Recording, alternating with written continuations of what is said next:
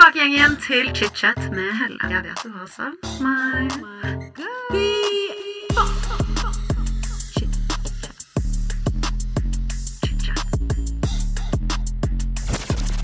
I dag får jeg besøk av tidligere fotballproff og trener Jon Arne Riise. Jon Arne har som mange vet hatt en helt sjuk fotballkarriere, og han har jo bl.a. spilt proff for klubbene Liverpool, Monaco og Roma.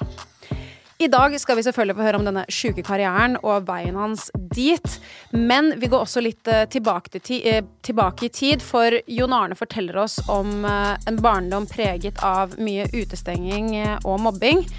Dette har jo preget hans syke helt til dagen i dag, og han tar oss gjennom hans tanker rundt dette. Vi går også i dybden på farsrollen. Jon Arne er jo firebarnsfar og har vært eh, gift tre ganger tidligere. Han forteller oss hvorfor ekteskapene hans ikke fungerte, og om vanskeligheter rundt papparollen. Dagens episode er preget av eh, ærlighet rundt psykisk helse, hvordan det er å være megakjendis i utlandet, og om det evige mediejaget. Det er ikke noe annet å si dere enn velkommen tilbake til chit-chat. Jon Arne Riise, velkommen til chit-chat. Takk for det. Det er så hyggelig å ha deg her, fordi du har jo tatt eh, turen fra Ålesund til hovedstaden. Haugesund. Haugesund! Det er der jeg bor. Oh my god, jeg var helt sikker på at det var Ålesund. What Nei, a rookie mistake. Men eh, jeg jobber i Haugesund. Jeg er jo fotballtrener der. Så jeg kjørte fra Haugesund i går på dagen. Ta seks-syv timer. Å ja, du kjørte hele veien? Mm. Oh. Jeg er jo mye på Vestlandet, så jeg føler at jeg kjører mye bil, jeg også. ja. Liker du det? Jeg elsker å kjøre bil. Det, Jeg syns også det er digg. helst aleine, helst på nettene. For da er det stille, og du får samla tankene og gå gjennom livet og opp- og nedturer og i fred og ro. Så jeg er sånn nattkjører og liker å kjøre langt og lenge. Og jeg har ikke på musikk heller, ofte i bilen, bare for å sitte i mitt eget hode. Jeg trenger den der avkoblinga av og til. Mm, det tror jeg alle trenger. Det tror jeg alle trenger. Men nå som du er i hovedstaden, hva er planene for helgen?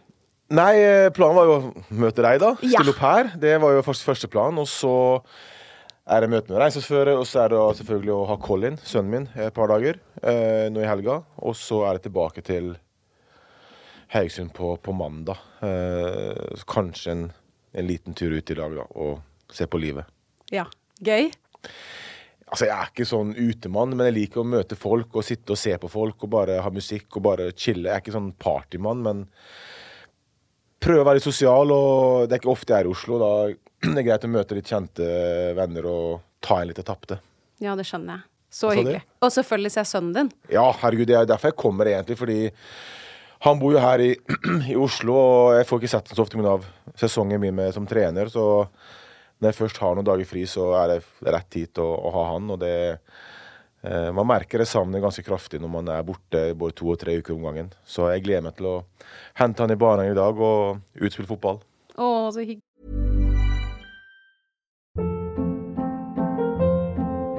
Hold up. What was that? Boring. No flavor. That was as bad as those leftovers you ate all week. Kiki Palmer here, and it's time to say hello to something fresh and guilt-free. Hello Fresh. Jazz up dinner with pecan-crusted chicken or garlic butter shrimp scampi. Now that's music to my mouth. Hello Fresh. Let's get this dinner party started. Discover all the delicious possibilities at hellofresh.com.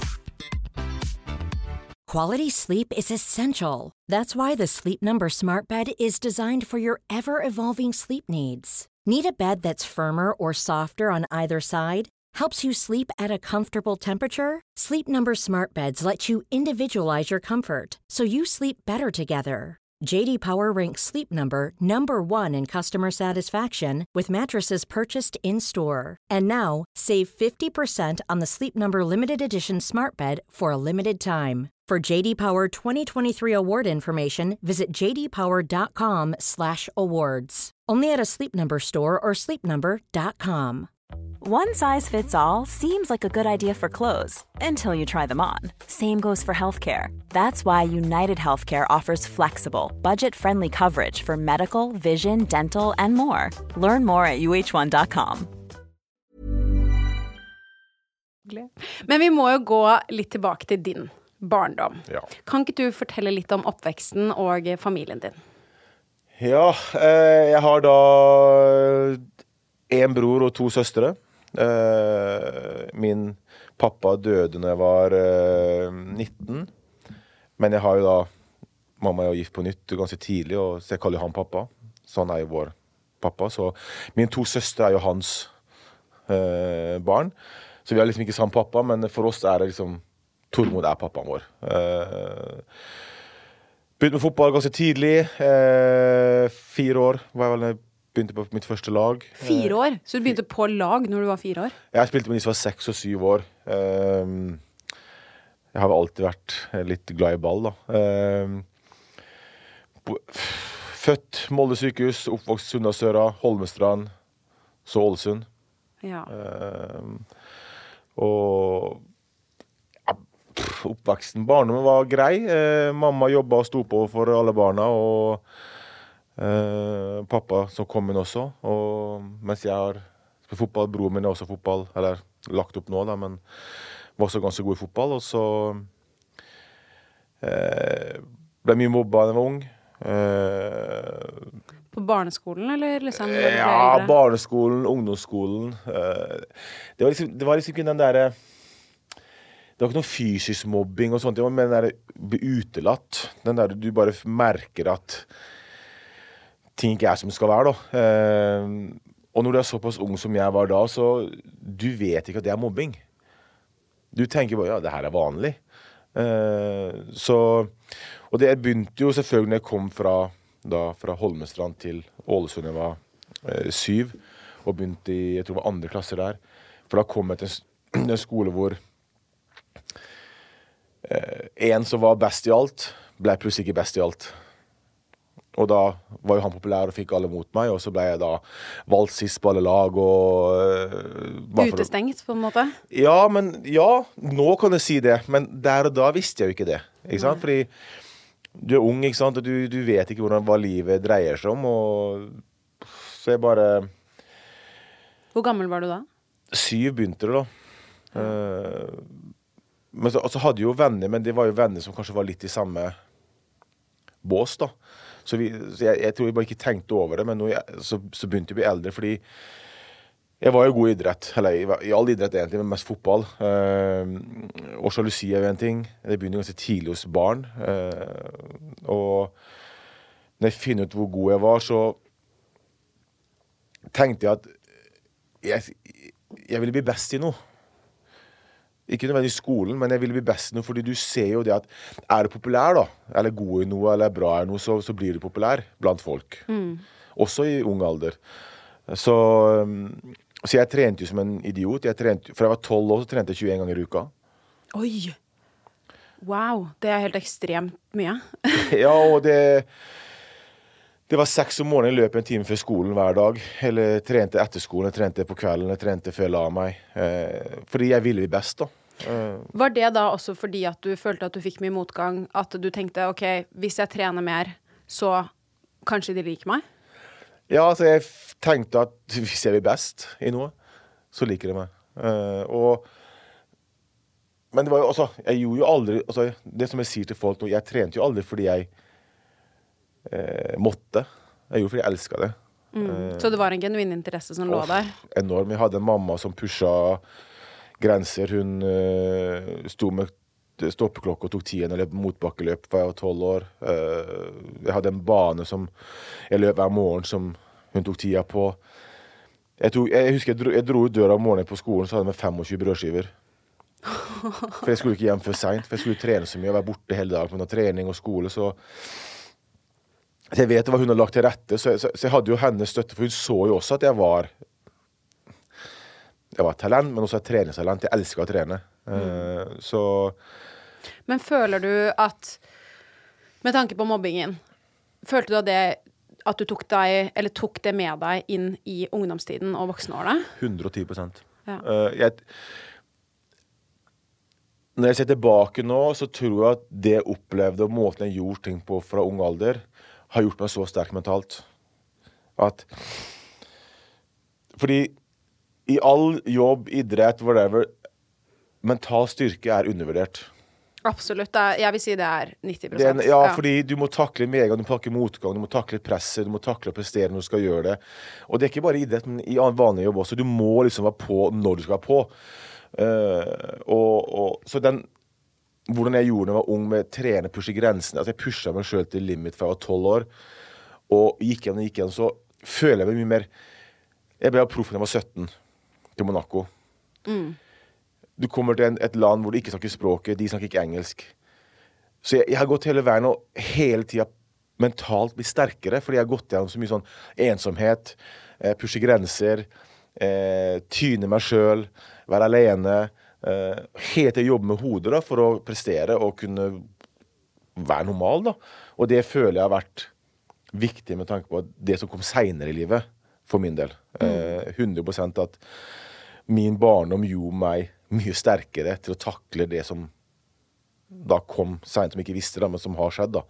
Eh, så mentalt så var jeg et monster. Nei, men det er kult å høre, for jeg eh, ikke i kanskje den skalaen hvor du For du har jo hatt en helt eh, sinnssyk karriere sånn hvor du må ha måttet jobbe mentalt fordi du har vært sånn høyt oppe i toppidrett. Altså, jeg også ble jo mobbet i mange år, og følte at jeg var så langt nede i så mange år at når jeg endelig kom over den kneika, hvor jeg var sånn Vet du hva, fuck you. Fuck you. Du skal ikke få meg til å føle meg sånn som dette. Så føler jeg at jeg har brukt det til min advantage. Jeg kjenner Bare jeg snakker om det nå, så får jeg sånn fire inni i ryggmargen min. For jeg blir sånn, jeg bruker det. Det er som fuel på meg. Hvis jeg tenker på hvordan folk har behandlet meg tidligere, så får det meg til å ville prestere bedre. Altså, ja, og, og det det å finne balansen. Fordi jeg også har liksom tenkt at når noen snakker negativt om meg, da Eller sier For når jeg gikk til Monaco da jeg var 17, alle, alle var imot det. Hvorfor det? Fordi jeg var ung og kom aldri til å klare det. Uh, når jeg gikk til Liverpool da jeg var 20, alle var imot det. Når jeg har gjort ting i livet mitt Men sånne ting tenner en dynamitt inni mitt og sa Ikke faen om du skal fortelle meg hva jeg skal gjøre og ikke gjøre. Og det samme jeg gikk, når jeg var, allerede da jeg var 17 år, husker jeg Fotballforbundet, eksperter, tidligere trenere sa han ødelegger karrieren sin. Han blir ferdig, han kommer gråtende hjem igjen. Det gikk en sånn faen i meg, at, eh, og da trente jeg som en idiot og skulle motbevise alle kritikerne. Fordi for meg var det bensin på bålet til å virkelig pushe grensene mine og vise hva jeg kan. Og fordi når folk er mot deg, det siste du vil, er å vise at de har rett. Selvfølgelig. Og da, da, da det gikk en sånn Og jeg har alltid gått min egen vei. Fra jeg var liten til den dag i dag.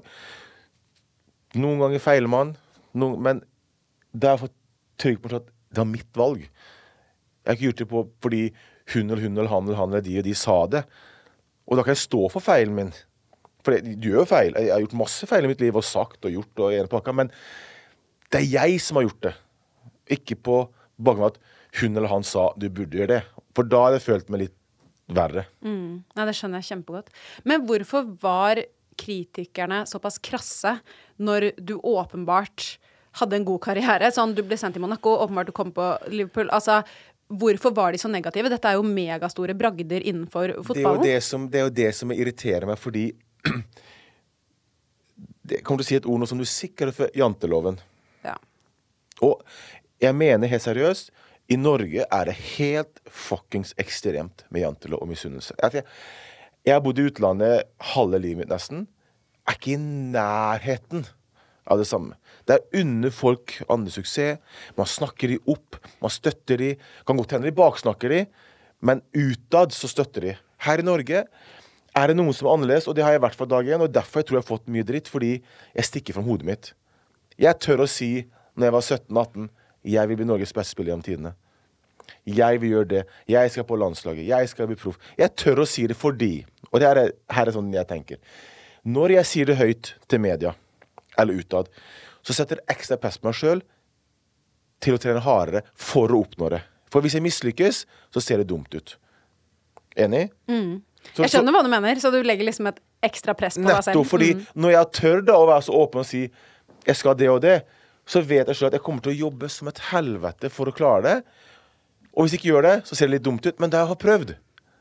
Så derfor var jeg såpass open-minded og, og snakker ut om mine mål og mener, fordi det var, det var for min egen del. Ikke for noen andre. Og jeg vil jo tørre å påstå at alle mine mål som jeg har satt meg, har jeg klart. Ja, du har åpenbart hatt en helt da. sinnssyk karriere. Fordi hvordan kom du fra å spille i Norge til å få en kontrakt med Liverpool? Hvordan var veien dit? Altså, det er jo, du, du, selvfølgelig må jo ha litt flaks også, men jeg, jeg var eh, så Når du er ung, så Du vet jo aldri hvor gode andre folk er i landet. For du spiller, altså Jeg spilte bare i Ålesund, så jeg vet jo aldri altså jeg, jeg var et talent i Ålesund, men jeg visste jo ikke hvor gode andre folk var. Men så ble jeg tatt ut på Cats-samling og sonesamling, og så på G15-landslaget. Fant ut at jeg har et talent. Jeg har en venstrefot som veldig få har. Jeg husker en kamp vi vant 21-0, jeg skulle ha 19 av måla. Da skjønner du at du du har, du, har, du har noe. Ja. Eh, så når jeg kom på landslaget, så er det liksom På G15, 16, 17 så har du speidere. Altså det er folk fra andre klubber i utlandet som skal prøve å finne talenter. Følge med og få til klubben sin for å ja, trene opp og selge videre. Uh, og når jeg var på en gutt 18-landskamp mot Sverige, så var det en, en, en speider fra Monaco der. Jeg spilte en god kamp. Tre dager etterpå signerte jeg for Monaco.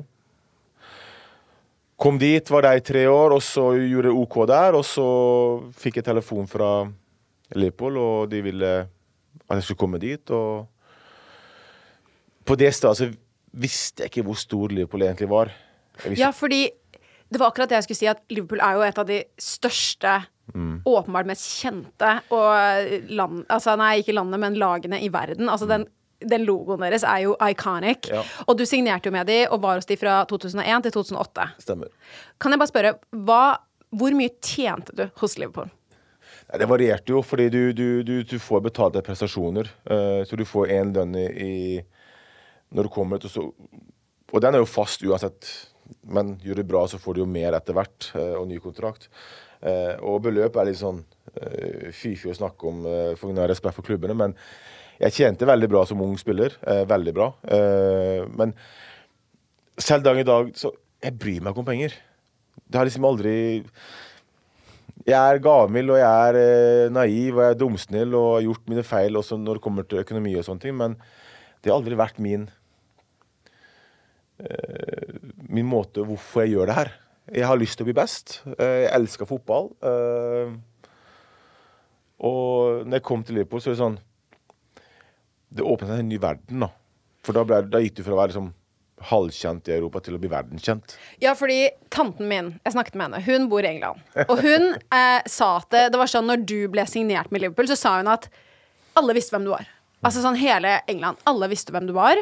Følte du at du fikk en annen type kjendisstatus når du var der? Altså åpenbart. Ja, altså Det, det, det, det kan fortelle at Vi dro til sånn oppkjørings eh, til Asia. Eh, første sommeren, altså et par uker etterpå eh, signert. Eh, og vi hadde jo 90 000 på tribunen som så på trening.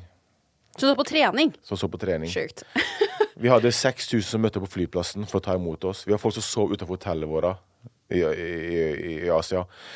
Da begynte jeg å skjønne Og folk liksom med risedrakter på ryggen og med riseplakater. Og da begynte jeg å skjønne hva Og, og det var liksom det derre Sånn som på ungdomstida Jeg har aldri vært eh, Når jeg gikk til Monaco, så merka jeg at oi, nå begynner jeg å bli populær.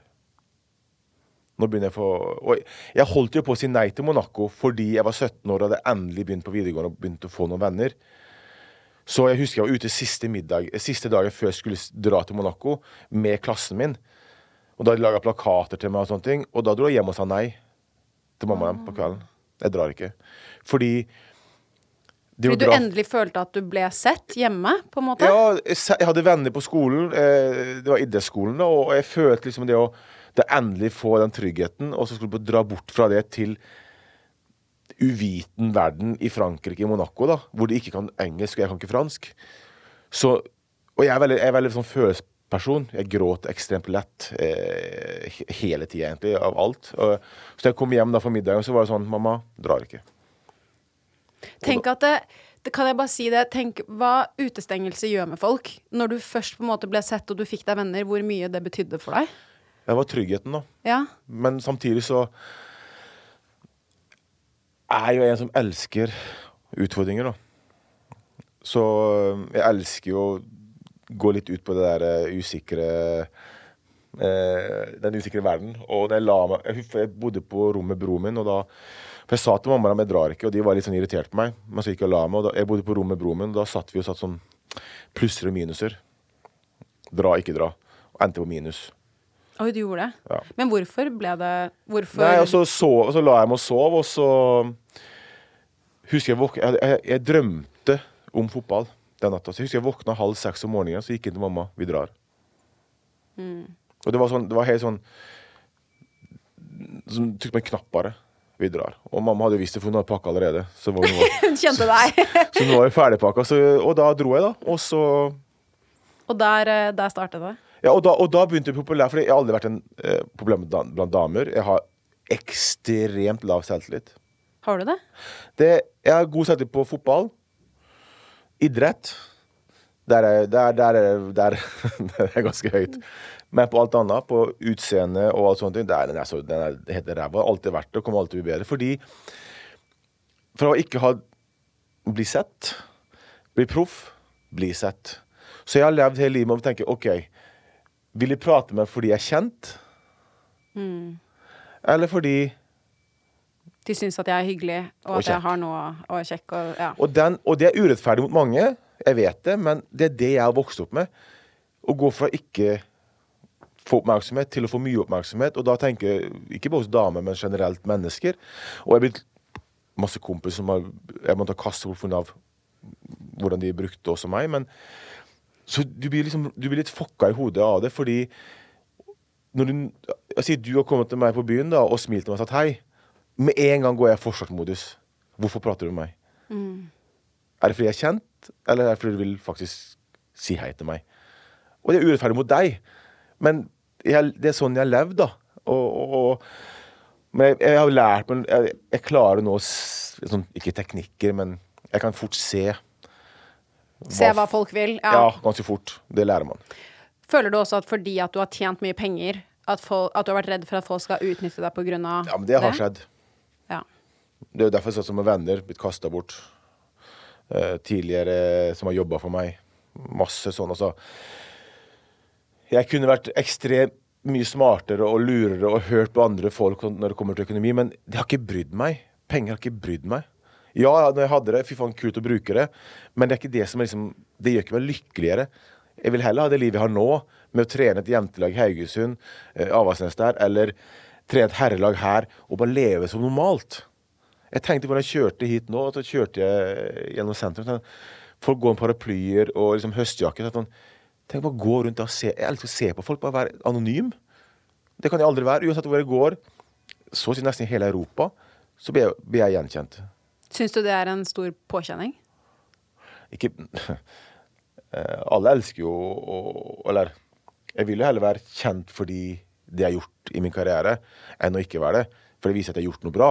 Men det er jo noen ganger du skulle ønske at du kunne vært litt mer anonym. eh, Og kunne gått litt rolig i gaten og bare ja, Uten å blitt Snikbilde, snikvideo, sånn nede på gymmet, så står folk og filmer mens jeg trener. Eh, Så slitsomt. eh, ja, men nå har jeg begynt å si fra. Ja, okay, jeg ser, altså, jeg, det folk ikke skjønner, at man lærer seg tek teknikker. Så når jeg går i et rom, kafé, restaurant, whatever første jeg gjør, er å sonere hele området. Hele rommet. Så jeg kan se med en gang jeg kommer inn, hvem som snur seg fort, pikker borti nabokameraten, tar mobilen. Det registrerer jeg. Så da vet jeg hvem som gjør hva.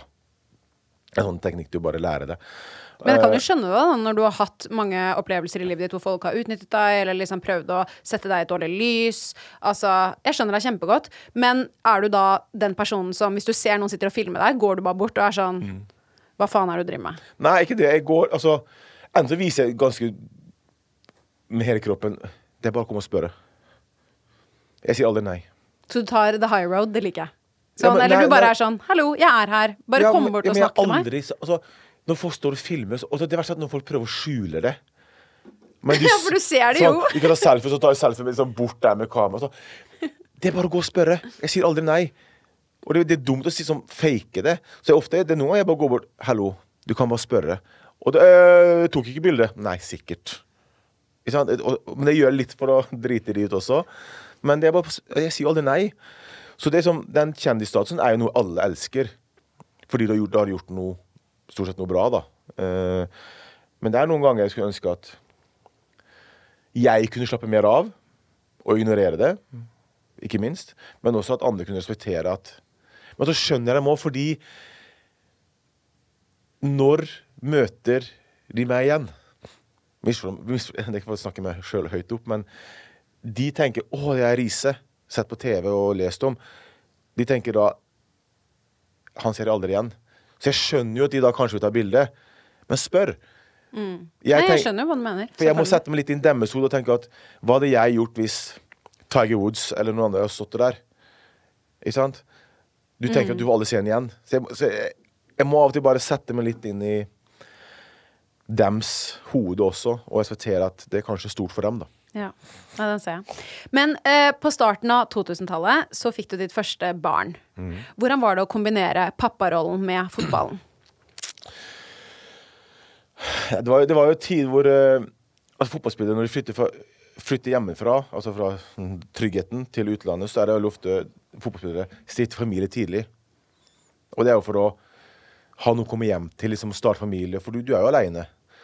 Og det, det var egentlig ganske greit, det, fordi du har jo det er litt mye reising mellom fotballkamper og oppkjøring, men stort sett så vil de som da er proffer i utlandet, så vil eh, konene og, og samboerne ikke jobbe. Så de er da hjemme med barn, og så er det barnehage og sånn, selvfølgelig. Men for meg var det frihet å komme hjem. Og, og, og den derre Slippe å tenke fotball 24-7. Fordi det er viktig å kunne koble av i hodet sitt. Så, så det å komme hjem til, til barn og, og, og familie var liksom fristedet mitt, da. Og det tror jeg alle andre kunne relatere også. også. Du har jo vært gift før. Sånn som meg også, for så vidt. Eh, og du har jo skilt deg flere ganger. Ja. Du nevner selv i din egen biografi eh, at dine to første ekteskap skulle kanskje ikke skjedd. Ja. Vil du utdype det? Eh, med det mener jeg at uh, første var altfor tidlig. Jeg var for ung. Det var hun også. Uh, Hvor ung var du første gang du gifta deg? eh, 22. 21, 22. Ja. Og, og det, vi begge altså Vi visste ikke hva livet dreide seg om, og det var for ungt. Uh, så uh, Det er ikke det at jeg angrer på forholdet, men fordi vi fikk fantastisk datter og, og sånne ting. Men skulle ikke gifte meg der, var alt uh, Og jeg hadde liksom nettopp starta livet, og det hadde hun også. Det var helt feil. Andre gangen så Lett å si etterkant, selvfølgelig. Men jeg er jo veldig Jeg er en sånn Jeg er en kjærlighetsperson. Jeg liker å gi masse kjærlighet til de rundt meg. Eh, Jeg bryr meg heller om andre enn meg sjøl, at de skal ha det bra. Eh, Jeg er veldig følsom menneske, så jeg tenker liksom, Jeg har alltid sånn tenkt jeg skal ha det familielivet, og jeg skal ha det som alle du ser på film og de rundt deg har. Så klarer du ikke å plukke opp signaler som kanskje sier noe annet. Fordi jeg tenker alltid det mest positive, og jeg tenker alltid ja, men det ordner seg. Eh, og den, den 'det ordner seg'-uttrykket har jeg gått på smeller eh, dønnevis av ganger i, i livet mitt. Men så etterpå ser jeg at de to første var feil pga. for tidlig, og noen signaler vi har sett tidligere og hørt på folk rundt meg at det, det er ikke riktig å gjøre nå. Men som vi snakket om tidligere, når noen sier jeg ikke skal gjøre noe, Da skal man i hvert fall få det til, på en måte. da skal man i hvert fall få det til, og i hvert fall gjøre det, og i hvert fall motvise det. Uh, så Men jeg skjønner jo, altså sånn de, altså, Jeg tror alle kan relatere til det. At man har vært i et forhold eller hatt en relasjon da, hvor man ikke ser de røde flaggene, kanskje, eller ser sånn OK, vi er kanskje ikke skapt for å leve sammen. Og så håper man på det beste. Altså Når man står i situasjonen, er det jo kjempevanskelig. Og spesielt hvis det er barn involvert. Jeg skjønner jo det kjempegodt. Ja, og det er litt sånn det der at du, du Jeg føler meg som en Jeg tenkte faktisk på det i går. Om jeg, jeg tipper du kom til å spørre om det her med skilsmisse. og tenkte, Ok, hvordan skal jeg legge det fram? Og da tenkte jeg sånn Jeg føler meg som en mislykka ektemann og far. Hvorfor det? Fordi jeg har vært gift tre ganger, og det er slutt tre ganger. Og du, alle må Og jeg er ikke der for barna mine. Altså i hverdagen, da. Altså, jeg har ei i, i, i Ålesund som i går kjøpte ny leilighet. Sin første leilighet. Ja, men sånn Hvor gikk tida? Og så er det to i, i London som jeg nesten ikke ser pga. Ja, skole og alt det der. Og så nå da med Colin i tillegg. Så, og alle må ta sitt eget ansvar for at ting ikke funker. Men når jeg har gjort det tre ganger og mislykka alle tre gangene, så føler jeg meg som en mislykka ektemann. Mm. Og jeg, jeg sier ikke at mine to første var deres skyld. Alle, altså, må alle ta ansvar for at ting skjer. Og jeg tar lett mitt ansvar på, på, på, på mye, men du får den følelsen at Fordi jeg så inderlig ønsker det perfekte, perfekte familielivet da, med kone og barn og hus og hage og alt det der, som jeg aldri har følt liksom, Jeg har ikke fått den roa, da, fordi jeg har vært farta rundt i ulike land, flytta klubber hit og dit. Mens nå når karrieren er ferdig, og liksom det å kunne roe ned Så du får den følelsen av at du Ja, du, du, du har mislykkes, da. Mm. Er det noe du som sitter i deg med tanke på fremtid og fremtidige forhold? Altså, jeg gråter Jeg gråter mye. Eh, og i hvert fall siste halvannet året så har det vært ekstremt tunge Tunge Fordi man sitter alene i Haugesund. Eh, slutt igjen og Colin og du, Som man går gjennom livet og bare Jeg skylder ikke på noen andre. Jeg, jeg, tar veldig mye ansvar for alt sjøl. Jeg vet det er begge parter, men jeg tar, jeg tar ting som personer, da. Uh, fordi jeg, jeg, skal alltid være en sterke, trygge som kommer gjennom alt, som tåler alt, som takler alt, og som bare rister av seg driten. Det, det har alltid vært meg. Men så er jeg menneskelig, jeg også. Mm, jeg har følelser som alle andre.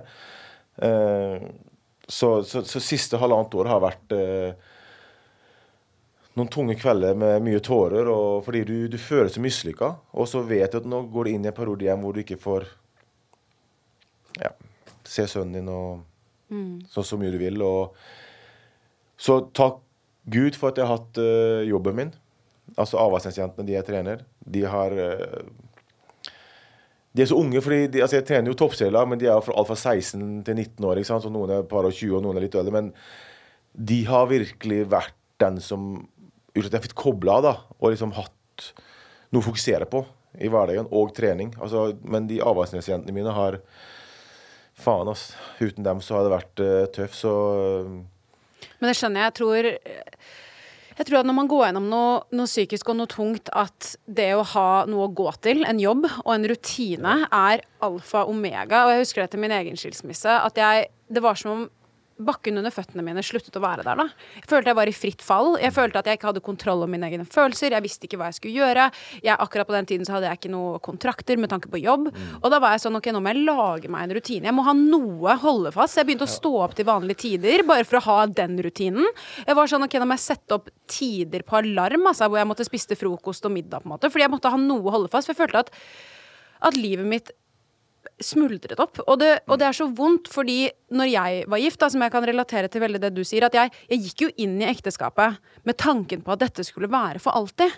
Og det, og det tror jeg du også gjorde, at selv om du også har vært gift flere ganger, det var ikke som du giftet deg og tenkte dette, dette der og da kommer til å ta slutt, på en måte. Nei, og, og og det, sånn, jeg var jo sammen med hun første seks år, seks år og nå nesten ti år. Mm. Det er ikke sånn at du gifter deg etter to måneder og tenkte ja, ja, hipp hurra, her gambler vi.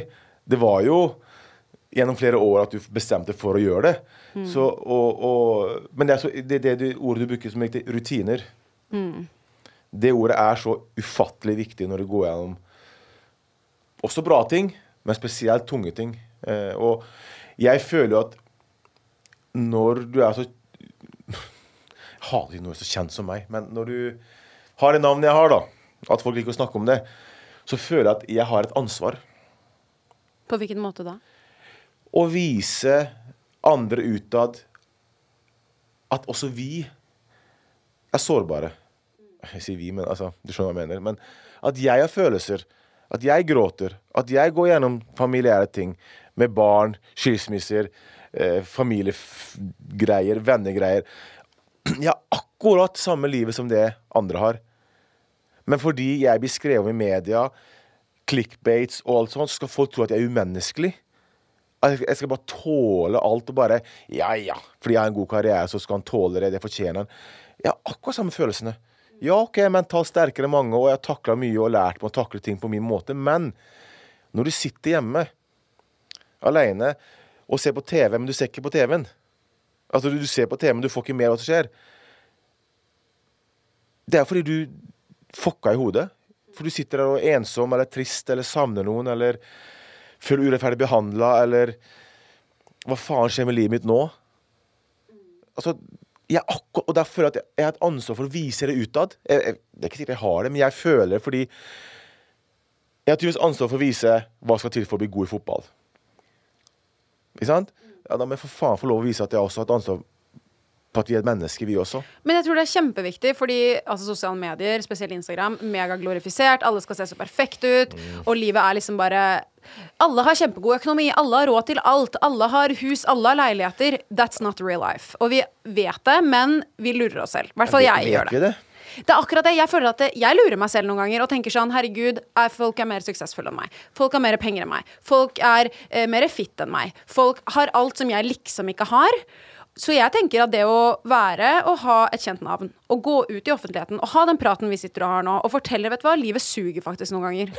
Sug, det, og det er vanskelig. Og sånne små ting da som å gå på jobb, eller bare det å ha en jobb, som egentlig ikke er en liten ting, det er for meg, da, å bare ha en fast rutine ved å spise middag. OK, det var det som fikk meg gjennom livet. Og kanskje det å snakke litt om det kan hjelpe noen andre. At man kan relatere. For meg, jeg syns det er godt å snakke med andre som har gått gjennom en skilsmisse. Fordi ingen av mine nærmeste venner har det. Jeg er ganske ung. Jeg følte meg også totalt liksom mislykket. Det var jo ikke en god følelse. Så jeg syns det er kjempeviktig og, og riktig å, å snakke om det. Og ja, jeg gikk jo i terapi. Jeg fikk jo hjelp av en coach. uh, I hvert fall etter min skilsmisse. Har du gått i noe type terapi?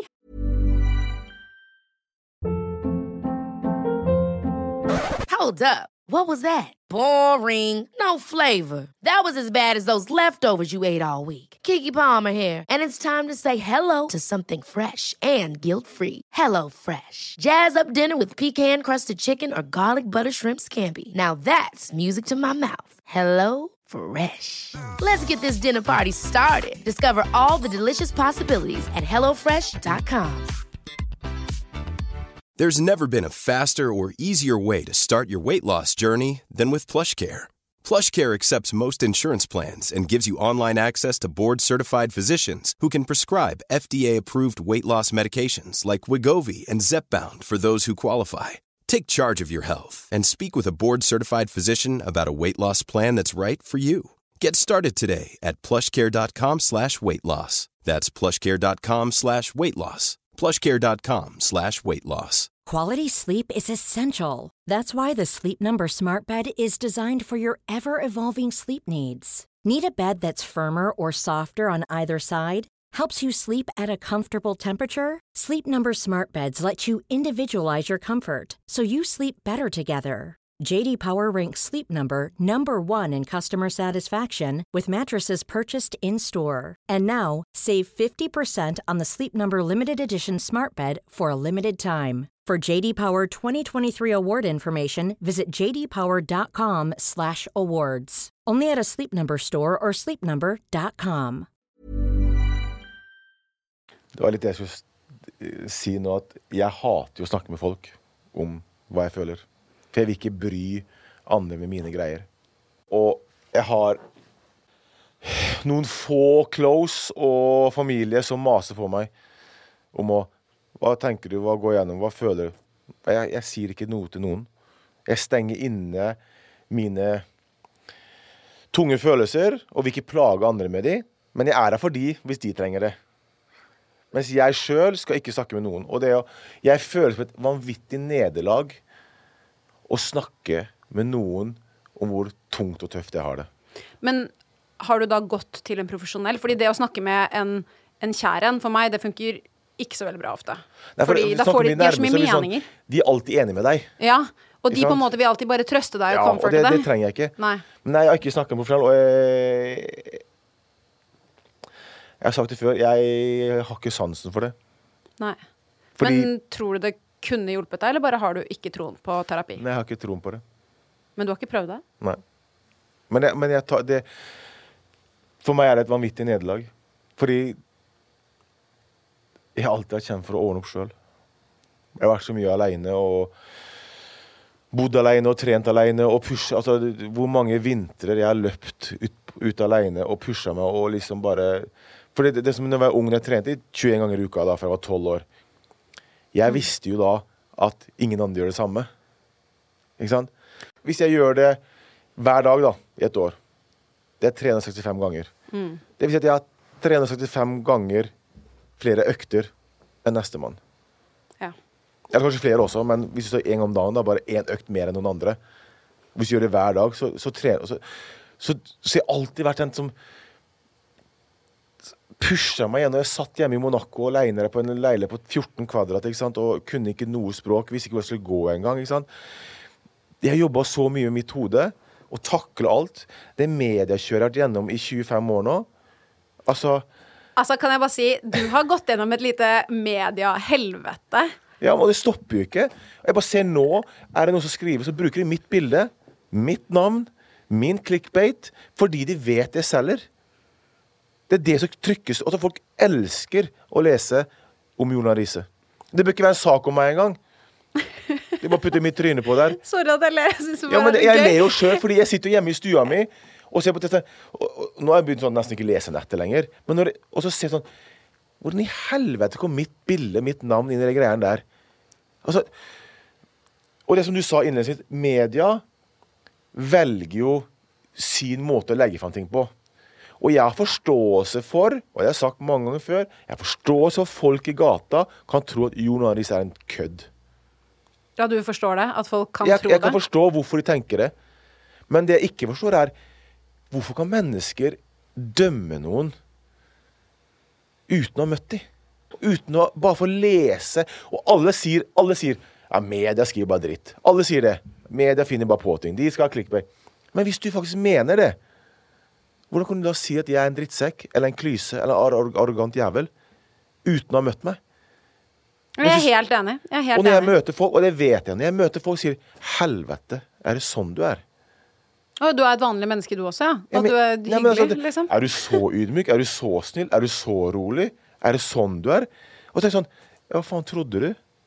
Nei, jeg har lest ja, men hvorfor leser altså, Og det er det som, det som er ting at Og jeg blir så provosert når jeg snakker på det, fordi folk Husk at vi som er kjente, også spiller et spill i media. Når jeg var aktiv Jeg sa jo ting i media fordi ting gikk på repeat. Når du fikk et spørsmål, så svarte du bare sånn. Men jeg sier ofte hva jeg mener også. Og jeg takler ikke det norske folket. At jeg er tør å si ting og tør å stikke hodet frem. Det takler ikke det norske folket. Men nå kan folk si hva de vil, uten at de tar det sånn som de tok meg. Og jeg tenker sånn, Hva er greia eh, med meg og mitt navn? Også, hvis du ser på karrieren, at ingen Det er ikke mange som er i nærheten av min karriere. Men fordi folk har lest så mye greier, og media elsker å bruke mitt navn, så får folk et litt sånn Men er det også kanskje bare fordi du har vært i media lenge, da? Du fikk jo en karriere lenge før sosiale medier var en tid, eh, og eh, Ja. Takk Gud for det. Og derfor har det jo liksom, det har vært mye nyhetsartikler om meg, skrevet mye i aviser, liksom på forsiden av VG og sånne type ting. Og det var jo den eneste inputen folk fikk. Folk, nå er det på en måte så mye skandaløst, hvis du skjønner hva jeg mener. At jeg føler at det, det å ha sex på TV, det er jo ikke en ting lenger. For ti år siden var jo det helt sinnssykt. Nå blir, du, nå blir du kjendis av å stille opp på sånne reality-greier. Ja. ja, Altså- ja, absolutt. Og jeg bare tenker sånn Hva har du gjort for å komme i den posisjonen til å bli kjendis, da? Altså jeg bare Men her er, sånn er mediasirkuset, og folk elsker jeg fatter og begriper ikke at Og som vi snakker om til sosiale medier. Jeg, jeg la ut en video på Instagram for noen, en ukes tid siden. At folk må slutte å tro at Snapchat, Instagram er ekte. Noe av det er sikkert det, men fy faken. Influensere, kall det influensere, sosiale medier, hva faken de jobber med. De legger ut ting bare for å få views, og for å få annonser og jobber og tjene penger. Absolutt. U, altså det, det, de kan ha det verst tenkelige livet sitt, men de, på sosiale medier skal legge fram fordi de, de vil ha kliks og, og, og, og, tjene penger på det. Og det er så mye falske greier. Og jeg har jo vært i det miljøet sjøl, så jeg har jo sett alle sidene. Og jeg, blir flau av hvor mye folk faker.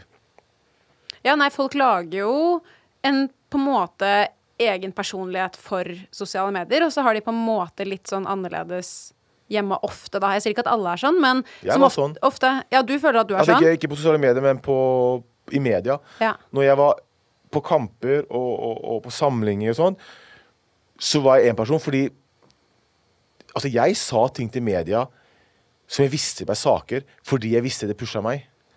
Ja, fordi akkurat det skal jeg si at det er litt sånn som i reality. Når uh, reality-serier uansett, folk spiller en rolle. Altså sånn, Selv om det ikke er scriptet, mennesker sier skandaløse ting fordi de vil ha en overskrift. Fordi det å være uh, kjendis, da, det er jo også det å holde seg aktuell.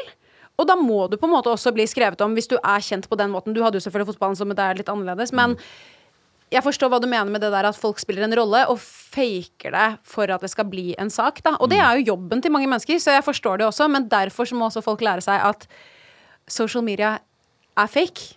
Og Ja, altså- mye av reality er veldig fake. Men jeg, sånn, jeg Men det er jo gøy òg, da. Men ja. Jeg skjønner jo at folk gjør det fordi de tjener penger. Det er jobben deres. Jeg skjønner at folk gjør det. Men jeg sa ting til media for eksempel dagen før en kamp. Eksempel på landslaget kunne jeg si et eller annet som jeg visste de kom til å reagere på.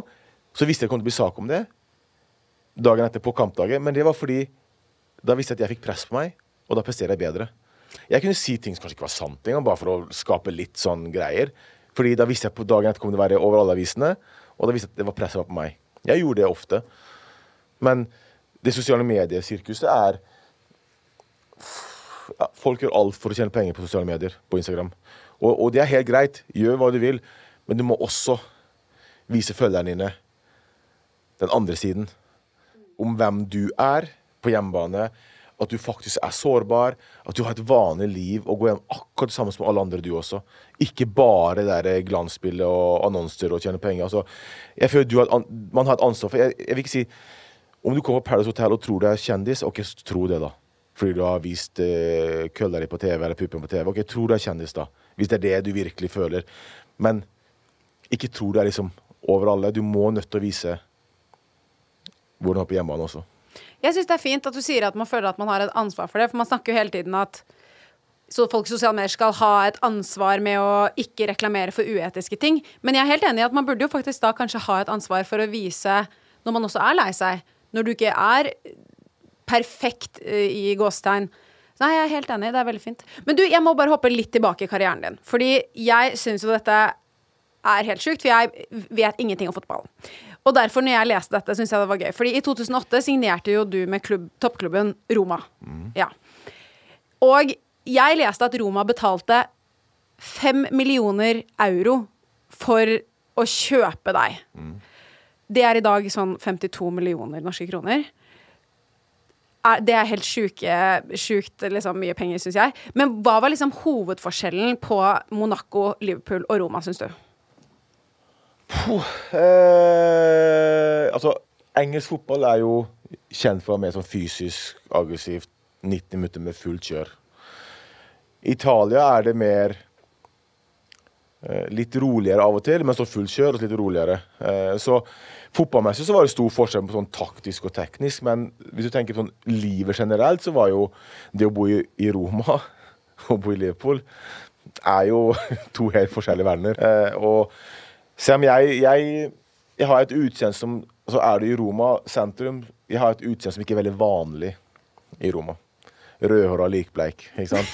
Du følte at du passet mer inn i England? Nei, ja, det gjorde jeg. Men så når jeg gikk i sentrum da, så ble jeg overrumpla med, med fans. Så jeg kunne jo ikke gå i sentrum. Så I de, de, de tre åra jeg var der, så i de tre åra jeg var i Roma, så var jeg én gang på Colosseum. Og det var fordi datteren min hadde skoleoppgave. Og da hadde jeg på meg caps og hele pakka. Og kanskje to-tre ganger i sentrum.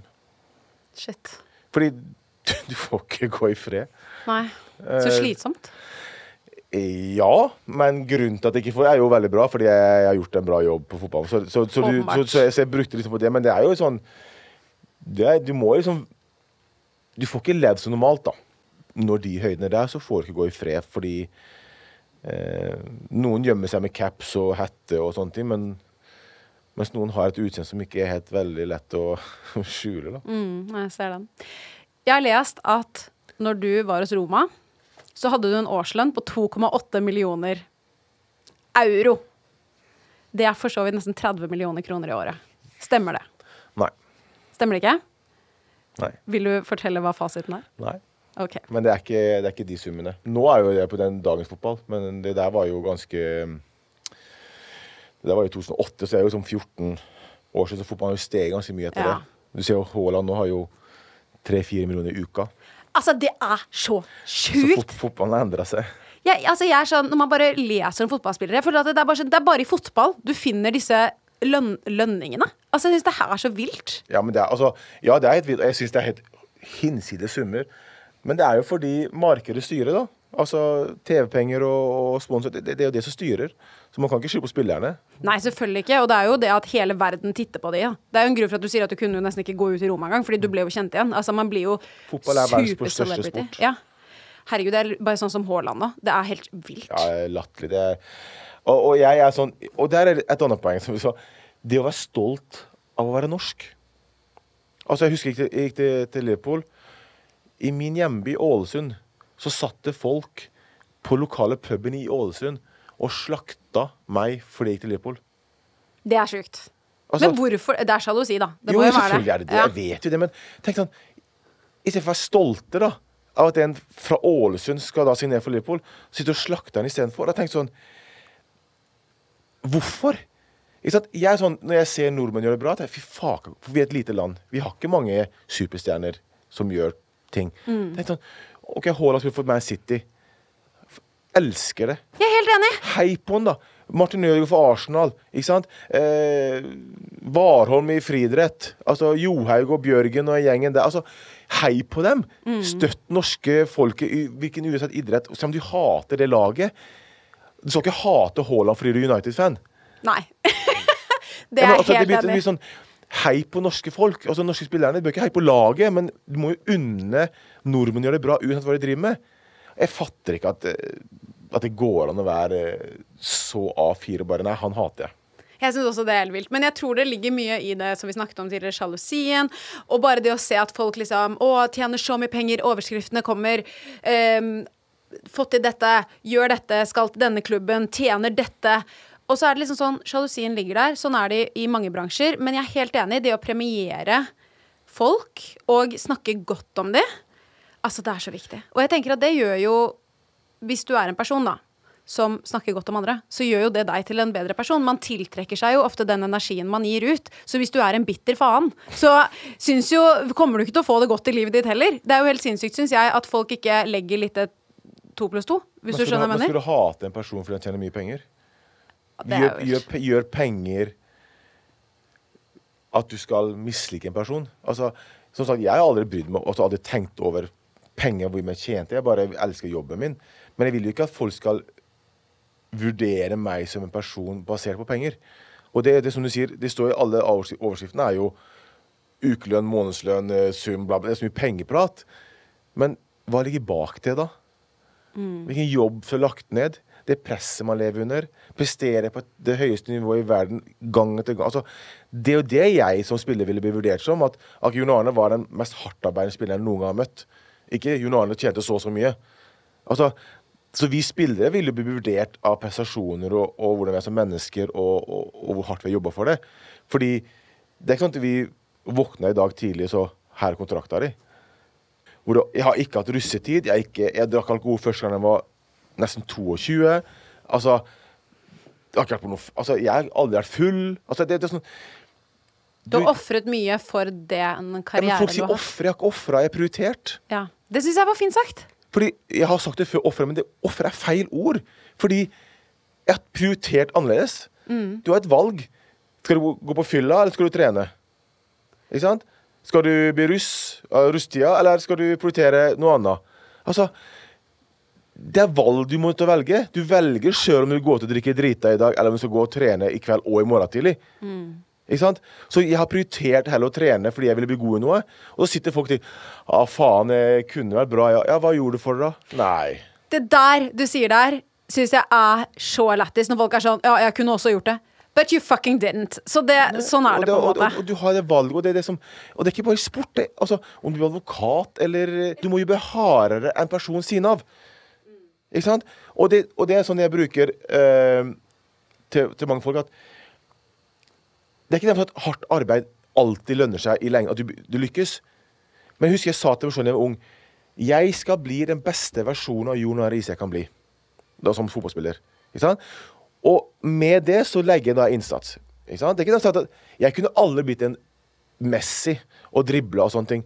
Men jeg tenkte OK, jo hardere jeg jobber, og når jeg legger opp som fotballspiller, skal jeg si til meg sjøl jeg, jo- jeg kunne ikke blitt bedre. Jeg vet, jeg la ned all innsatsen. Jeg kunne ikke trent hardere. jeg kunne ikke gjort noe annerledes. Jeg vet, det her var det. Og jeg maksa nivået mitt by far. Jeg trodde aldri jeg skulle ha den karrieren jeg hadde. Men igjen, hardt arbeid betaler seg, og så litt flaks, og så blir du mentalt sterk, og så lykkes du. Men jeg sa til meg at når jeg legger opp, så jeg vite meg at jeg gjorde alt jeg kunne for å bli så god jeg kunne bli. Mm. Er du stolt av karrieren din i dag? 1000 prosent. Jeg- jeg- Og det, det er ofte jeg, jeg glemmer det ofte å tenke For en karriere jeg hadde. Fordi det blir så mye fokus på alt annet.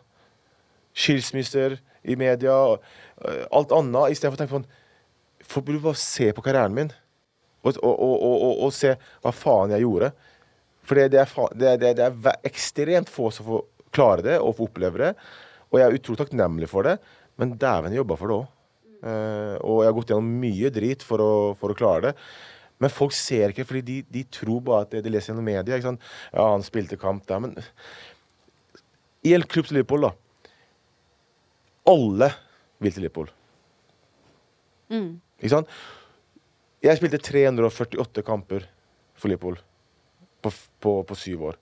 Det er 50 kamper i snittet per sesong. Offisielle. Er ikke det sykt mye? Det er sykt mye, men det viser jo stabiliteten. På hvert år så vil, kommer en ny venstreback altså, som vil ta min plass. Ikke sant? Du har alltid folk som vil komme og ta din plass. Klubben får tilbudt masse spillere som kan ta min plass. Så jeg må prestere hele veien for å være der. Og det er ikke lett. Og jeg gjorde det i syv år. Sånn, Det, vant det, det har jeg ikke tenkt over. På, på den måten som du sier det nå. Så jeg skjønner jo det presset. Det er ikke sånn at du bare kan Litt sånn som når jeg en jobb jeg har hatt, da. Jeg kan ikke bare bli ansatt og så liksom chille litt på kontoret noen dager. Det er liksom, Du må være på toppen av gamet ditt Ja, og, hele og du blir vurdert hver eneste kamp. Det er flere hundre millioner seere på kamper, kamper på TV. Ikke sant? Så ser kampene våre. Mm. Du blir vurdert i aviser, på nettet, hele, alle prestasjonene dine. Alle ser det. Alle kritiserer, skryter. Hele veien blir du sånn. Og det må du leve med. Og jeg vet sånn, etter hver kamp så tenkte jeg, «Åh, nei, nå er på benken neste kamp. Nå er på benken neste kamp. Fordi jeg, jeg var aldri fornøyd med hvordan jeg spilte. Jeg var alltid redd for å miste plassen min. Mens andre er liksom litt sånn cocky og jeg spiller hver kamp. Og da vil du til slutt miste plass. Så det, det, det, det, det er mye folk ikke setter seg inn i, og de bare leser det de vil lese, og så tenker jeg at så lett var det. Mm. Nei, jeg, jeg skjønner Ja, nei, jeg ser den.